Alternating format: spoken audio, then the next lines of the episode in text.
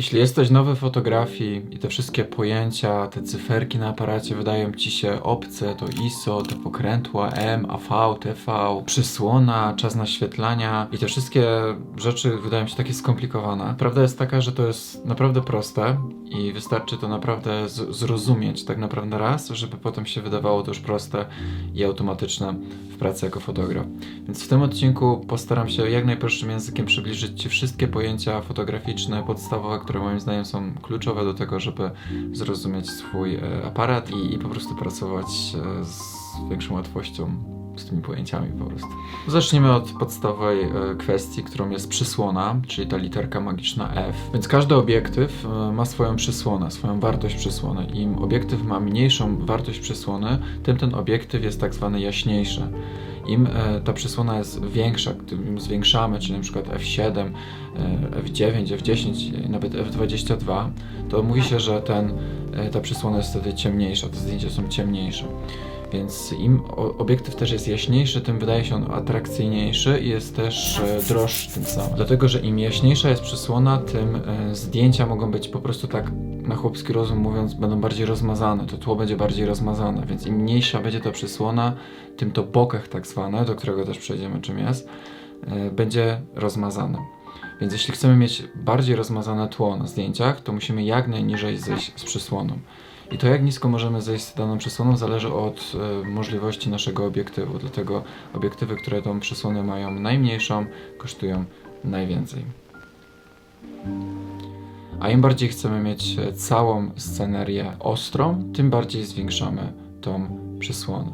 I żeby na przykład cała sceneria była ostra, używamy co najmniej e, przysłony o wartości 5,6 lub 7 nawet, 1. Czas naświetlania z kolei to jest kolejny podstawowy aspekt parametr naszego aparatu, który ustawiamy podczas robienia zdjęć. Jest to ilość sekund, podczas których światło jest puszczane do środka naszego aparatu. I mniejszy czas, tym więcej światła wpada do środka aparatu i analogicznie w drugą stronę. I warto też zrozumieć, że mm, czas najczęściej określamy w ułamkach, czyli 1 ukośnik i jakaś cyfra. I ta cyfra, która jest coraz większa po ułamku, oznacza, że czas jest krótszy, co oznacza, że coraz mniej światła wpada do środka aparatu. Więc czas 1 ukośnik 50, czyli 1,50 będzie czasem dłuższym niż 1 ukośnik 125, czyli 1,125 setna sekundy. Potem możemy przechodzić do dłuższych czasów naświetlania, jak nawet pół sekundy, czy 1 sekunda, czy 2 sekundy, czy nawet 20 sekund. Takie czasy naświetlania używamy najczęściej, gdy chcemy celowo rozmazać naszą scenerię. Na przykład y,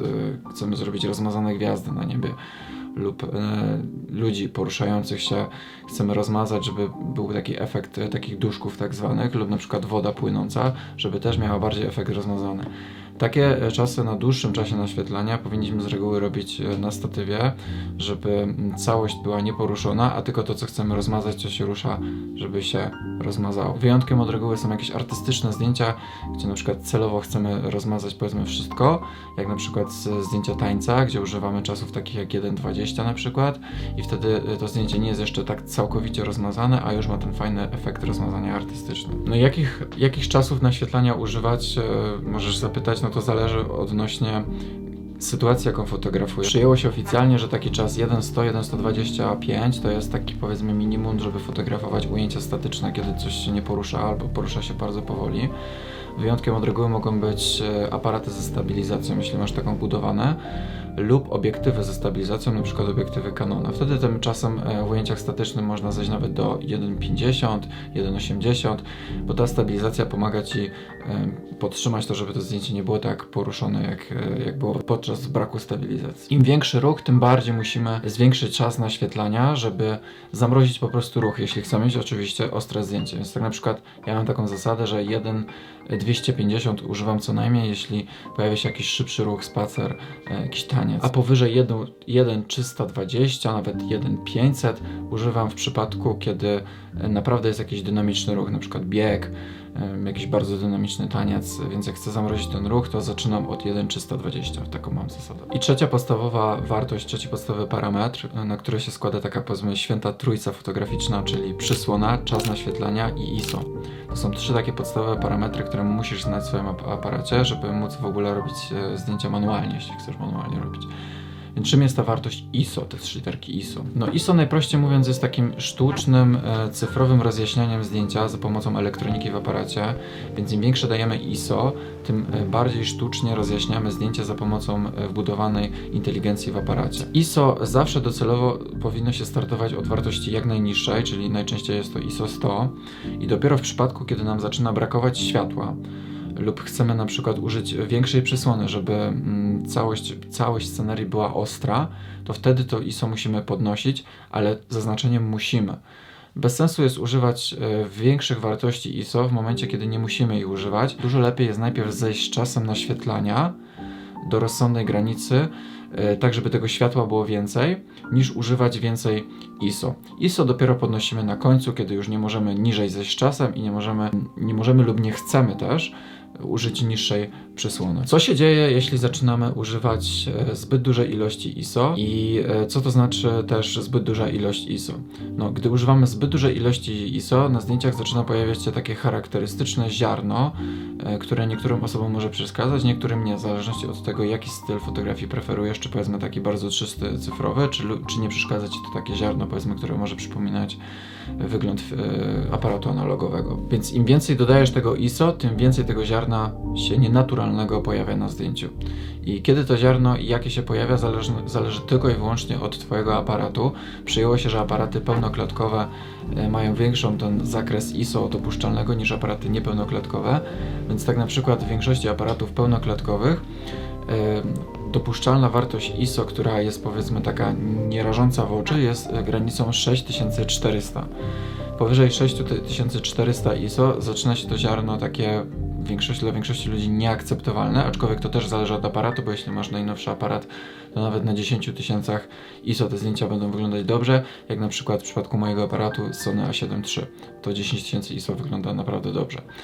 A w przypadku aparatu niepełnoklatkowego to y, te wartości ISO spadają w dół i to już przy wartości 800 nawet ISO y, to ziarno zaczyna być y, coraz większe i w przypadku 6400 ISO to ziarno jest już bardzo nieakceptowalne dla większości osób. Przerobiliśmy trzy podstawowe parametry naszego aparatu. Przejdziemy teraz do bardziej takich powiedzmy za, troszkę zaawansowanych rzeczy i pojęć, które są w głębi naszego aparatu, ale które też warto znać. Aczkolwiek moim zdaniem najważniejsze są te trzy parametry, żeby na przykład robić w trybie manualnym zdjęcia wiedzieć w ogóle do czego służą. Następnym ważnym takim pojęciem są punkty AF naszego aparatu. Są to punkty, którymi nasz aparat łapie ostrość. To ile mamy punktów w aparacie zależy, zależy od y, naszego aparatu, bo im lepszy aparat, tym więcej ma tych punktów, więc im więcej tych punktów, tym lepiej aparat radzi sobie w sytuacjach dynamicznych. I właśnie do tego służą głównie punkty AF żeby radzić sobie jak najlepiej, głównie w sytuacjach dynamicznych. Bo powiedzmy, mamy taki aparat, który ma tych punktów naprawdę mało i możemy być z niego zadowoleni e, w przypadkach statycznych, kiedy nic się takiego nie dzieje. Ale jak jesteś już fotografem ślubnym, robisz wesela albo fotografujesz sport, no to mm, ta mała ilość punktów e, AF może się przyczynić do tego, że będziesz miał bardzo dużo e, rozmazanych zdjęć, bo po prostu aparat przysłowiowo nie ogarnia tego, tej dynamiki sytuacji. Więc jeśli e, pracujesz e, w sytuacjach dynamicznych lub chcesz pracować, to im więcej tych punktów, tym lepiej, bo wtedy będziesz miał po prostu więcej ostrych zdjęć. To w jaki sposób możesz ustawić swoje punkty AF w aparacie zależność, zależy też od Twoich prywatnych predyspozycji. Ja osobiście zawsze mam ustawiony punkt AF na punkcie środkowym, bo sam zawsze chcę manualnie decydować, na co ma iść ostrość, co w praktyce oznacza, że przesuwam sobie po ekranie tym punktem na konkretną rzecz, na którą w tym momencie ma aparat złapać ostrość.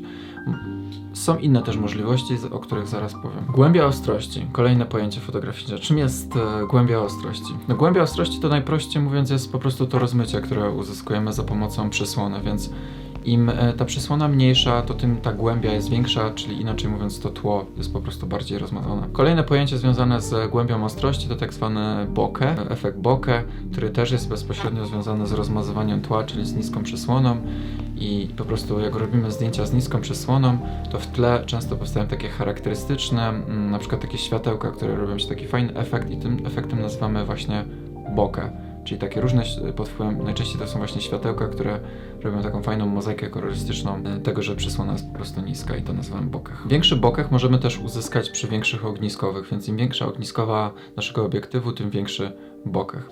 No to czym jest ogniskowa, skoro jesteśmy przy ogniskowej? Ogniskowa to inaczej mówiąc długość milimetrów naszego obiektywu. Więc im większa ogniskowa, tym dłuższy mamy obiektyw. E, Tylko to nie chodzi tylko, że fizycznie jest dłuższy, to że tylko też dalej sięga, a im mniejsza ogniskowa, to tym krócej sięga.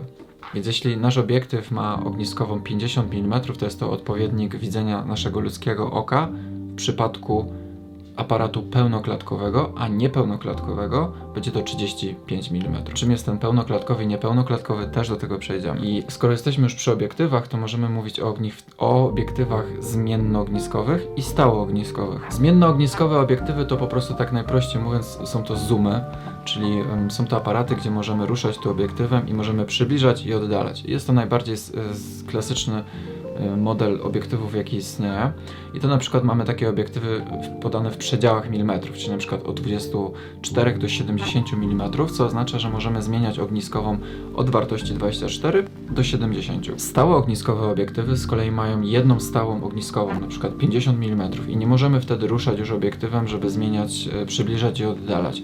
Więc jak mamy stały ogniskowy obiektyw, to tylko to jest to, co widzimy z tą konkretną ogniskową bez zoomu. Są plusy i minusy zarówno tych, jak i tych obiektywów. Przede wszystkim największym plusem zmiennoogniskowych obiektywów jest to, że jesteśmy mobilni, że możemy bardzo szybko e, jednym ruchem ręki tak naprawdę przybliżyć i oddalić kadr i uzyskać zupełnie inny efekt.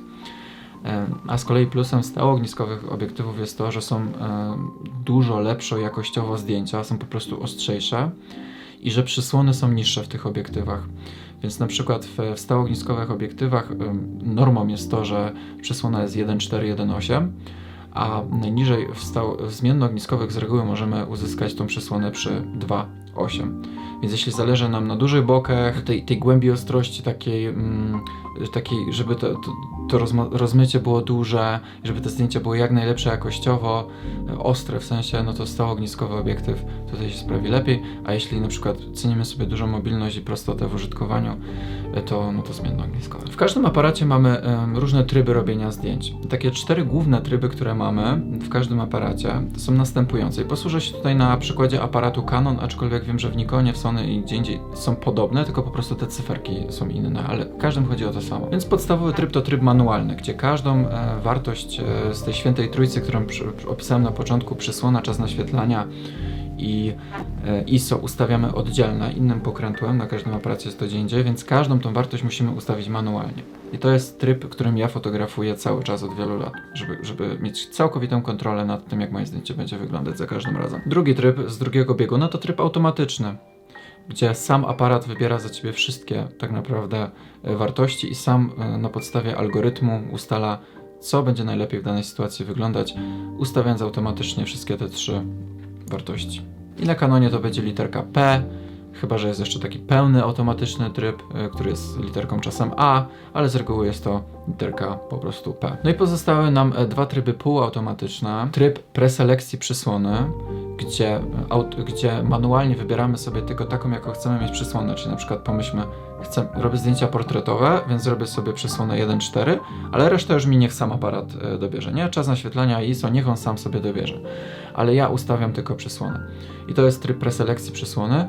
Na Canonie jest to literka AV. I ostatni tryb e, czasu naświetlania na Canonie literka TV, która analogicznie do czasu preselekcji e, przysłony, tylko że tu manualnie ustawiamy czas naświetlania, a resztę za nas robi aparat. I takie e, na przykład coś może się sprawdzić w przypadku, kiedy e, koniecznie chcemy zamrozić ruch, a nie mamy pewności, czy to się stanie, więc na przykład ustawiamy e, czas 1,250, a, za, a resztę za nas robi po prostu aparat.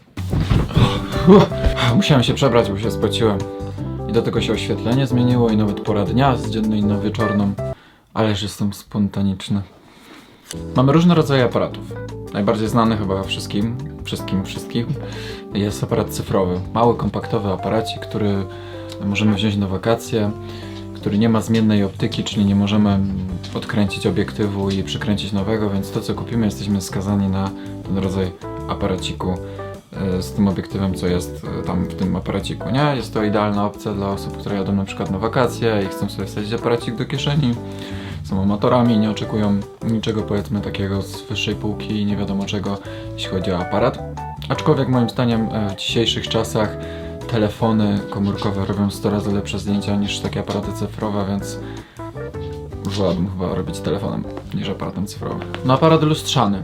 Najczęściej stosowany przez chyba fotografów e, aparat, profes e, profesjonalnych fotografów, ale też amatorów. Aparat ten po, posiada zmienną optykę, czyli można wykręcać i wkręcać e, nowe obiektywy. Posiada też tak to lustro, od czego sama nazwa pochodzi. To, co charakteryzuje te aparaty, to to przede wszystkim, że są duże, no po prostu są duże, ciężkie, masywne. Niektórzy to lubią, niektórzy tego nie lubią. Ja osobiście tego nie lubię, zawsze mi to przeszkadzało, że te aparaty są naprawdę duże. Ale niektórzy, wiecie, lubią czuć ten pieniądz w rękach i dla nich to jest prestiż, jak przychodzisz na ślub z takim dużym aparatem i masz, no ja jestem tutaj gość, pan fotograf, a, a tu potem przychodzi brzegowy z takim malutkim aparacikiem bezlusterkowym, do którego zaraz przejdziemy. Taki tu malutki, co myśli, co to za, co to za jakiś Janusz tutaj przyszedł i udaje, że robi zdjęcia, nie? Na szczęście mam to gdzieś, więc wolę po prostu mały aparat. Aparaty lustrzane możemy powiedzieć na pełnoklatkowe i niepełnoklatkowe, o czym już wspominałem wcześniej. Pełna klatka, tak na chłopski rozum, bez dawania się w techniczne szczegóły, po prostu ma większą matrycę, na której zapisuje się zdjęcie, co w, w praktyce oznacza to, że to zdjęcie jest dużo lepszej jakości. Możemy mm, dużo też e, bardziej poszaleć z tym ISO, o którym mówiłem wcześniej. E, aparaty pełnoklatkowe są e, już bardziej takie profesjonalne i półprofesjonalne. Niepełnoklatkowe nie wszystkie, ale większość zaliczamy do bardziej takich amatorskich, przez to, że mają mniejszą e, matrycę. Aczkolwiek niepełnoklatkowymi niektórymi aparatami też możemy robić profesjonalne zdjęcia, ale no nie, ukry nie ukrywam, że większość profesjonalistów wybiera już pełnoklatkowe, więc jeśli się zastanawiasz w co zainwestować i chciałbyś bardziej tak na poważnie już wejść z fotografią i tak chcesz zainwestować jakąś konkretną kwotę, to moim zdaniem lepiej jest zainwestować e, w aparat pełnoklatkowy, żeby kupować obiektywy już do pełnoklatkowego aparatu, bo, bo zupełnie inne obiektywy są do pełnej klatki, a zupełnie do niepełnej, więc jak chcesz już inwestować w sprzęt, to już moim zdaniem lepiej to kupić to body, czyli aparat pełnoklatkowy i powolutku dokupować sobie do niego obiektywy. Ale to jest moje osobiste zdanie, nie każdy musi się z tym zgadzać. Wyjątkiem od reguły tutaj jest aparat Fuji, który jest akurat bezlusterkowcem, on jest niepełnoklatkowy. To jest akurat wyjątek od reguły, bo on tutaj naprawdę świetnie sobie radzi na, na równi wręcz z aparatem pełnoklatkowym, e, ale to jest naprawdę wysokiej jakości sprzęt fotograficzny. To co jeszcze warto zaznaczyć e, w pełnej klatce i niepełnej klatce, że 50 mm na pełnej klatce to jest e, odpowiednik tego, jak my widzimy ludzkim okiem, a to odpowiednik e, widzenia ludzkim okiem na niepełnej klatce to jest 35 mm, więc ta ogniskowa jest tutaj roz, rozbieżności są pewne. No i teraz przechodzimy do bezlusterkowców, które robią furorę w ostatnich latach. Sam mam bezlusterkowca, jest genialnych. No te aparaty cechują się tym, że nie mają lustra, jak sama nazwa wskazuje więc możemy całkowitej ciszy robić e, zdjęcia. Więc tak naprawdę ten dźwięk, który słyszymy robienia zdjęć, to jest dźwięk elektroniczny, a nie mechaniczny lustra, tak jak w przypadku lustrzanki. Są mniejszych gabaretów, jakościowo są tak samo jak nawet nie lepsze do, do lustrzanek. I to co osobiście jest dla mnie super w, w bezlusterkowcach, że mają elektroniczny wizjer. Niektórym się to podoba, niektórym nie. No dla mnie to jest fenomenalna rzecz, że ja patrzę przez wizjer i widzę już to, jak zdjęcie będzie finalnie wyglądać, bo w, w lustrzankach mamy wizjer op, e, optyczny, czyli po prostu niezależnie od tego, jak będziemy parametry zmieniać w aparacie, to tak samo będziemy widzieć przez wizjer, więc dopiero musimy zobaczyć na podglądzie, na live view, jak to zdjęcie będzie wyglądać, na live view, czyli na ekraniku. A w przypadku bezlusterkowca z każdą zmianą, którą wprowadzam pokrętłem, od razu to widzę w wizjerze, bo jest to sztucznie wygenerowany przez e, sztuczną inteligencję obraz cyfrowy, trochę jak w grze komputerowej. Ale mi się to akurat osobiście podoba. Na początku było mi się ciężko przyzwyczaić, ale teraz uważam to za super rzecz. No i mamy teraz jeszcze aparaty analogowe, które są najbardziej oldschoolowe wersje na klisze tak zwane. No nie muszę chyba tłumaczyć czym te aparaty są. Jak zrobisz zdjęcie, to tak będzie, a potem wywołasz i nawet to jest super, bo nigdy nie wiesz jaki dostaniesz e, efekt, więc to jest totalnie dla ludzi, którzy lubią e, vintage. Tylko w dzisiejszych czasach jest problem z tym wywoływaniem, no bo to już jest rzadkość, są nieliczne punkty, gdzie można to robić, plus klisze są naprawdę drogie, więc to już jest bardziej dla pasjonatów, którzy naprawdę lubią ten klimat. Ja osobiście mam aparaty analogowe, no nie robię zdjęć, bo nie mam kliszy, ale kiedyś sobie kupię i będę robił. Mam Zenita, mam, mam Canona chyba i jeszcze coś tam. No i mamy polaroidy, są tak, też takie tak zwane instaxy, niektórzy mówią, że to nie jest polaroid, no ale jakby przypomina polaroid wyglądem, więc też powiem o tych instaxach gdzie robimy sobie zdjęcie i od razu nam wypluwa e, gotowy, gotowy ten papierek, nie? Ze zdjęciem. Fajna opcja dla ludzi, którzy na przykład robią sobie jakiś album fotograficzny ze wspomnieniami. Ja takiego Instaxa zawsze biorę na swoją sesję zdjęciową i robię mojej parze czy klientom takie zdjęcia też na sesji i daję im to w prezencie po sesji. To jest zawsze taka miła pamiątka dla nich. A te wkłady do Instaxów wcale nie są takie drogie. Dobra, przejdźmy do kolejnych aspektów pojęć fotograficznych, już takich bardziej zaawansowanych, których tak naprawdę nie musisz wiedzieć, ale już o nich wspomnę. Są tak zwane tryby pomiaru światła w aparacie. Mamy tryb e, matrycowy, tryb centralnie ważony i tryb punktowy. Jeśli masz po angielsku aparat, to będzie metering mode, tak zwany. No i co to jest i czy to w ogóle potrzebne do czegokolwiek? Jeśli fotografujesz w pełni manualnie na trybie MTGG, to to w ogóle nie ma żadnego znaczenia, ponieważ tak każdy, każdą e, jedną z tych trz- trzech właściwości, czyli ISO, przysłona i czas naświetlania ustawiasz ręcznie, więc w ogóle ci to nie jest potrzebne do niczego.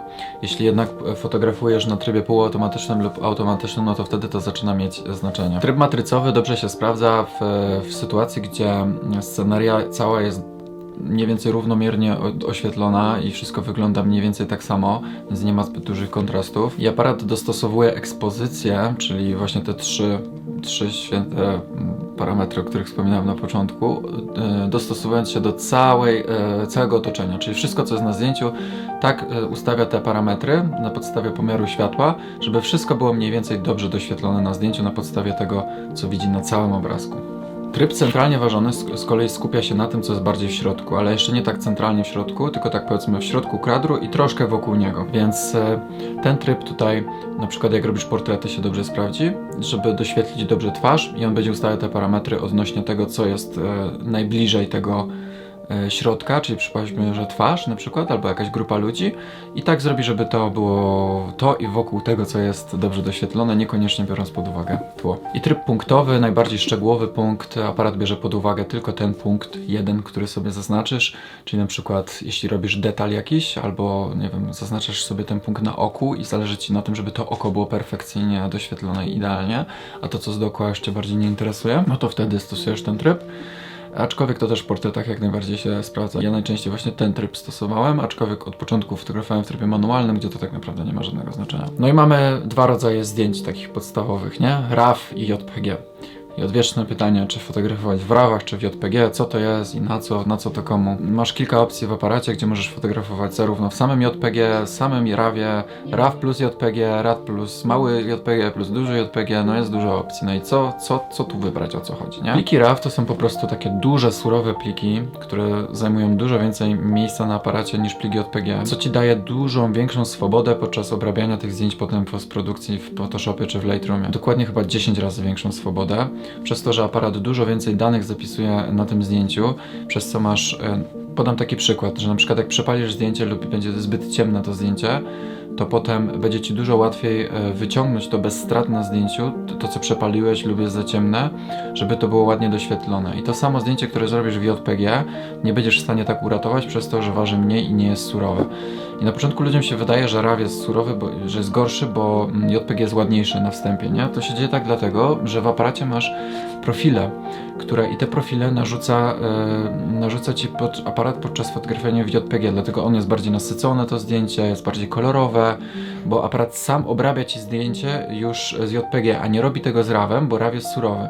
Dlatego jak wrz- wrzucasz te zdjęcia na komputer lub je przeglądasz na aparacie, to wydaje ci się, że RAWy są gorsze, mniej nasycone i mniej kontrastowe, ale to jest tylko złudne, ponieważ e, zdjęcia JPG aparat po prostu sam obrabia, a nie robi tego z RAWem.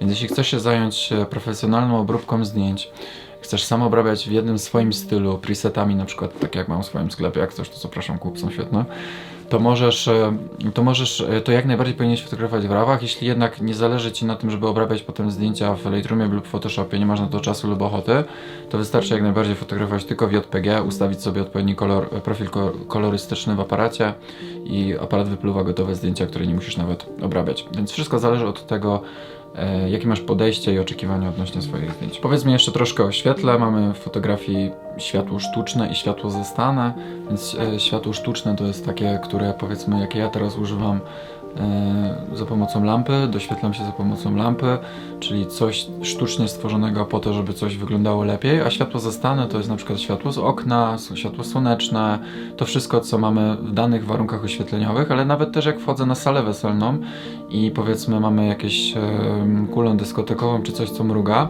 jeśli nie doświetlam tego miejsca e, żadną lampą, tylko korzystam z tego, co zostałem w miejscu, to też nazywam to światłem zastanym. Wizjer Wizjer to jest to małe okienko, przez które patrzymy. Wizjer może być optyczny, czyli to samo szkiełko, przez, przez które patrzymy jak po prostu przez szkiełko i to szkiełko jest w aparatach lustrzanych i może być wizjer elektroniczny, o którym już wspominałem, który mamy z kolei w bezlusterkowcach, który jest sztucznie stworzonym obrazem komputerowym, który troszkę przypomina grę komputerową, jak przez niego patrzysz. Ten ekranik tutaj na aparacie nazywa się trybem Live View, w skrócie LV i na nim e, możemy też robić zdjęcia, jeśli wolimy patrzeć na ekranik niż na mm, e, wizjer i na nim też możemy zobaczyć aktualnie zachodzące zmiany, które e, dokonujemy pod wpływem zmiany ustawień, aczkolwiek starsze modele aparatów nie mają takiej możliwości i dopiero możesz zobaczyć jak zdjęcie będzie wyglądać po jego zrobieniu. Ale wszystkie nowsze aparaty jak najbardziej od razu widać na ekraniku te zmiany, które wprowadzasz zanim zrobisz zdjęcie. Mamy różne tryby, w których możemy robić zdjęcia. Na Canonie na przykład e, te tryby się nazywają One Shot, iServo i iFocus. W Nikonie to będzie się inaczej nazywać, każdy, każdy aparat to inaczej ma, ale chodzi o to samo zawsze. Więc w Canonie ten tryb e, One Shot jest przeznaczony do robienia zdjęć statycznych, do obiektów, które się nie poruszają, wtedy aparat nie śledzi tego obiektu. Z kolei tryb iFocus i iServo służą do fotografowania obiektów, które się przemieszczają, wtedy aparat będzie śledził ten obiekt przemieszczający się. Czym się różnią te dwa tryby? Tak naprawdę to zależy od sytuacji, w jakiej się znajdujemy. Z doświadczenia wiem, że iServo zawsze się lepiej sprawdzał e, w przypadku, kiedy obiekt się przemieszczał po różnych płaszczyznach, to znaczy nie tylko mm, z lewej strony na prawo, ale na przykład też e, z, tyłu do przodu lub zmieniał nieprzewidywalnie kierunku i wtedy iServo się sprawdzało najlepiej. A iFocus z kolei sprawdzał się lepiej w momencie, kiedy ruch był przewidywalny, jak na przykład po prostu przemieszczał się z lewej strony kadru na prawo. I na przykład iServo w, w Nikonie to będzie tryb Continuous, a w, a w Sonym to będzie AFC, a, a ten one shot statyczny to będzie AFS. W aparacie mamy różne profile kolorystyczne. Możemy fotografować w trybie neutralnym, czarno-białym lub jakimś innym. Prawda jest taka, że jeśli fotografujesz w rawach, to żaden z tych trybów e, profilów kolorystycznych nie ma żadnego znaczenia, ponieważ i tak plik będzie surowy i nie będzie taki, jak ty go widzisz na ekranie. Chyba, że fotografujesz e, w JPG i zależy Ci na gotowym zdjęciu, więc wtedy ten profil kolorystyczny ma znaczenie i ustaw sobie taki, jaki Ci pasuje najbardziej. Neutralny, no to wiadomo, najbardziej neutralne kolory, które możesz, e, które masz według aparatu. E, Czarno-biały tryb z kolei pomaga Ci, jeśli fotografujesz w rawach, żeby lepiej widzieć światło, cienie i, i kształty, geometrii na zdjęciach. Wtedy kolory tak nie odwracają uwagę, a po wrzuceniu zdjęcia na komputer ono i tak będzie kolorowe, jeśli mówimy o, o rawie. Światło cienia, no to już skoro jesteśmy przy światło cieniach, światło cień, no to to są e, te wszystkie te wszystkie miejsca na zdjęciu, które są oświetlone lub zaciemnione, więc po prostu w ten sposób widzimy, czy obiekt jest dobrze oświetlony światłem, które pada z zewnątrz i jak jest bardzo ukryty w cieniu i to jest, nazywamy światło cieniem. Pojęcie takie jak balans bieli to inaczej y, kolorystyka i ciepłota barw, że tak powiem, więc im większy balans bieli, to tym ciepłota jest większa, im mniejszy balans bieli, to tym zdjęcie jest chłodniejsze. Zawsze jak obrabiasz zdjęcia, zawsze zaczynaj od ustawienia poprawnego balansu bieli lub takiego, jaki Ci się podoba, a dopiero potem e, manipuluj innymi kolorami. Ja mam taką zasadę i, i serdecznie Ci ją polecam. I u mnie w aparacie ten balans bieli zawsze jest ustawiony na około 5500-5600 kelwinów, bo za pomocą kelwinów o- określamy ciepłotę e, barw, tak samo jest w fizyce i tak samo w aparacie. Oczywiście możesz to ustawić na automatycznie lub tam taką chmurkę, więc ja wcześniej na tej chmurce tryb pochmurny fotografowałem.